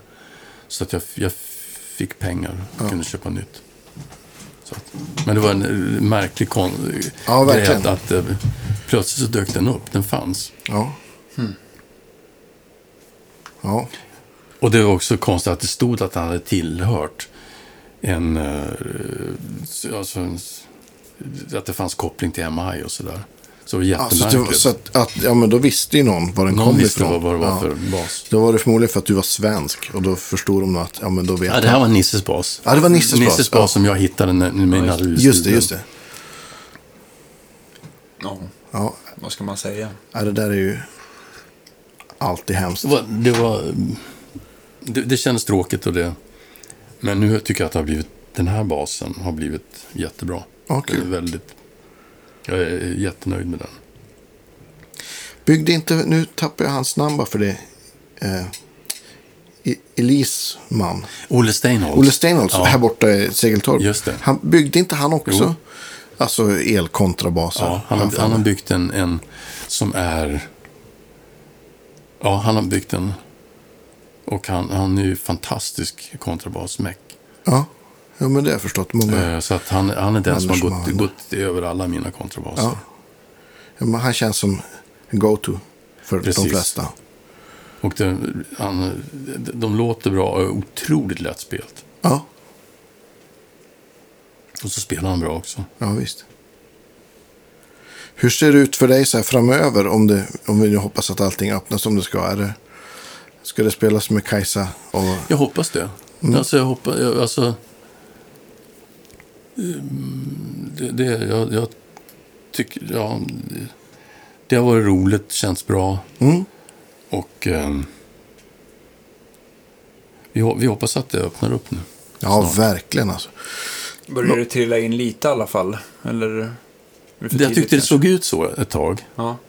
Men nu är det ju en del av det som också börjar bli Skjutit på. y- ytterligare fram. För fjärde gången eller Ja, typ sådär. Ja, så att, suck. eh, vi, vi får se. Har det varit så? don't, get, det, don't get me started säger jag va. ja, det har varit så Ja, nu ja. att det är mycket framflyttat. För Ja. jag tyckte att du, du pratade ju förut i alla fall i våras som att hösten Jo, såg men bra alltså, ut. jag- hösten ser bra ut, men nu törs jag liksom inte hoppas att... Eller hösten är fantastisk, jag kan inte säga någonting. Men det kan ju också vara så att... Eh, ja, jag vet inte. Ja, det har skitit sig. Ja. Ja, än så länge, ta i trä, så är det inget som, av det som sitter i höst som har blivit flyttat. Men det, för varje dag som går här på att säga, blir det väl närmare. jag vet inte. Ja, ja vi, får, Vi, vi, vi, hoppas verkligen. Men jag tänkte på det också. att Du sa att du spelar projekt. Det är ju något speciellt med saker man har gjort länge också Ja. tycker jag. Det, ju, det går ju liksom inte att komma ifrån. Det blir lite grann som ett par sköna skor. Ja, man, har, man har spelat med folk och gjort Ja. sam, samma sak länge. Det blir, det blir Ja, någon, det- någon typ av självklarhet som, som jag tycker är väldigt skön. Och det här med, med eh, Mikael och Lotta då, det, det, det är ju, alltså, jag spelade ju med Povel hans 15 sista år. Ja, just det. Eh, och sen har, har det, det här är ju en slags förlängning på det. Ja. Jaha, så du, på de 15 åren kan jag tänka mig att man har också en del att, eh, alltså, jag kan tänka mig att det är bra för själva er produktion nu om det, hur han gjorde och Ja, just det. Ja, visst. som, Ja, och man, det, det finns ju gemensamma referenser. Så. Mm. Ja, men visst. Fast vi gör ju på ett eget sätt. Mm. Sådär, men det var ju också fantastiskt att eh, eh, jag vet att jag blev uppringd en måndag kväll Mhm. och, och, eh, av Hasse Gardemar. Mm. Som undrade, vad, vad gör du imorgon? Nej, jag har, jag har inget inbokat. Ja, men kan du komma och spela då? Och då eh, hade, så, ja, vad är det? Ja, det är Povel Ramel. Och då hade de precis börjat repa en produktion. Och sen så, Um, så hade Undrar om jag kunde hoppa in då eh, ett, ett tag. Och sen, spel, sen blev det att jag spelade några månader och sen så då tänkte jag, men vad härligt. Nu fick jag ändå uppleva att vara med och spela med Povel. Och så blev det 15 år. Ja, vad roligt. Ja. Men hur, ja, hur var på, kan du berätta någonting om hur det var Povel vid, eh, vid sidan om och... Ja, alltså otroligt sympatisk person. Ja. Otroligt sympatisk och ganska lågmäld. Mm. Men alltid ja, sympatisk och, och mån om att det, det ska vara trevligt. Då förstår jag också att, varför du var kvar i 15 år. Ja, men det, det, som, Ja. det ena gav det andra. Liksom. Ja. Har, har du haft någon annan sån här artist som du har kompat eh, under väldigt lång tid som Povel? Eller spelat med? Ja, mm, jo, det har ju varit andra projekt ofta, som har varit vä- väldigt långa också. Lundell var också många år. Mm. Men just Povel och Kajsa Stina, det är väl de absolut längsta Mm. samarbetena nu. Så där, Kajsa Stina började jag med 2004. Mm. Så det, Ja. Jag har förstått liksom alla ni musiker att ni har liksom... Eh, men det, är också, det, det, det blir ju som tillfälligheter. ja, jag förstår. Som visst. att, att, nå, ja, att någon kunde inte, kan du hoppa in. Mm. Och sen så... Ja, det, det är tillfälligheter. Man, man råkar träffa någon. Man, ja, visst. Thomas Ledin råkade ja. Plocka upp. plocka Ja. upp en liftare. Ja. ja, det är roligt. Ja, han, jätteroligt. han, han lånade i samband med det. Så lånade han en gitarr av mig. Ehm, som var lite speciell. För den, den är en Levin fast den ser ut som en mandolinkropp. ja, just det. Så jag har sett sådana. Och eh, det här var ju då 73. Ja. Och den vet jag finns med på någon platta också. För att han har väldigt speciellt sound. Ja. Och sen för inte alls många år sedan så hörde han av sig och sa hej det är Thomas. Du, jag går igenom lite grejer på vinden. Visst lånade jag en gitarr av dig?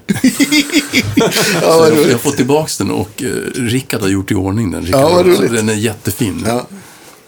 Så, här, så, att, så att den har kommit hem igen. Ja, kul. Ja. Vi, vi, har ju en, vi skulle kunna prata förmodligen i, i en och en halv timme till, men eh, vi, vi har en sån här en fråga som vi brukar ställa alla, alla gäster. Ursprungs, ska vi återgå till ursprungsfrågan? Jag tycker nästan den är roligare. Ja, Huset brinner och eventuella familjemedlemmar, husdjur och, och så vidare ute och du får med dig en enda sak bara. Sak. Ja, en så här, enda musikpryl. musik- Ja. Du, Oj. Vad, vad, vad greppar du? vad greppar du? Ja, jag tror det är min, min gamla kontrabas. Ja, jag misstänkte det också. Ja, jag, trodde, jag trodde nästan eh, jazzbasen, men eh, ja. Den, men jag kan tänka mig att den kontran den är svår att ersätta. Ja, det är den. Ja, Eh, och det, var, det, det är ju den där jazzbasen också förstås. Jo. Fast den, fast den blir man ju, så- har man Det blivit... var inte dina EV-lådor i alla fall. Nej, en, en i varje. Står de kvar på Engel? Nej, jag skojar bara. Ja, Nej just det. Nej, de, de där stora de har sålt och sen så har jag sålt en av 15-tummarna. Eh, för båda 15-tummarna kom tillbaks. också sen när jag kom hem. Ah, det, det, det, så- men en av dem har jag sålt, så en finns kvar. Men det är väldigt sällan. För det mesta tycker jag man bara spelar på något befintligt. Ja. Eller monitor bara. Just det. Och du får jättegärna om du har bilder på, men på instrument och sånt så får du gärna skicka. För det brukar folk uppskatta jättemycket att vi lägger Ja. ut i samband med, Ja. med avsnittet. Så det, så det är alltid, alltid kul. I och, med att vi, ja, I och med att nu det här blev brandbasen. nej men så vore det kul med bild på den. Eller ja, men, vad du nu än har för Ja. grejer. Eller gamla bilder också. Alla bilder är roliga. Ja. Det är alltid roligt med, med, med, med bilder. Men stort tack för, för idag. Supertrevligt Ja, och, och Verkligen. Vilken samtala. ära- vilken samtala. ära, va? Ja, men Ja. Ja, verkligen. men väldigt trevligt. Det är alltid, det är alltid, alltså det är ju så himla roligt med, eh, med, eh, med eh, alla typer av gäster. Men just i det här fallet så känns det som att man sitter lite med eh, svensk musikhistoria. Va? Ja, men ett- visst. Verkligen. varit, varit så otroligt aktiv under många år. Mm. Eller varit med mycket. Kul att höra. Och hoppas få fortsätta. Ja, Ja, men visst. Absolut. Det är bara att köra. Vi, eh, ja men vi hörs väl, vi ses hörs väl nästa, nästa vecka, torsdag. Ja. Tack för idag. Tack för idag.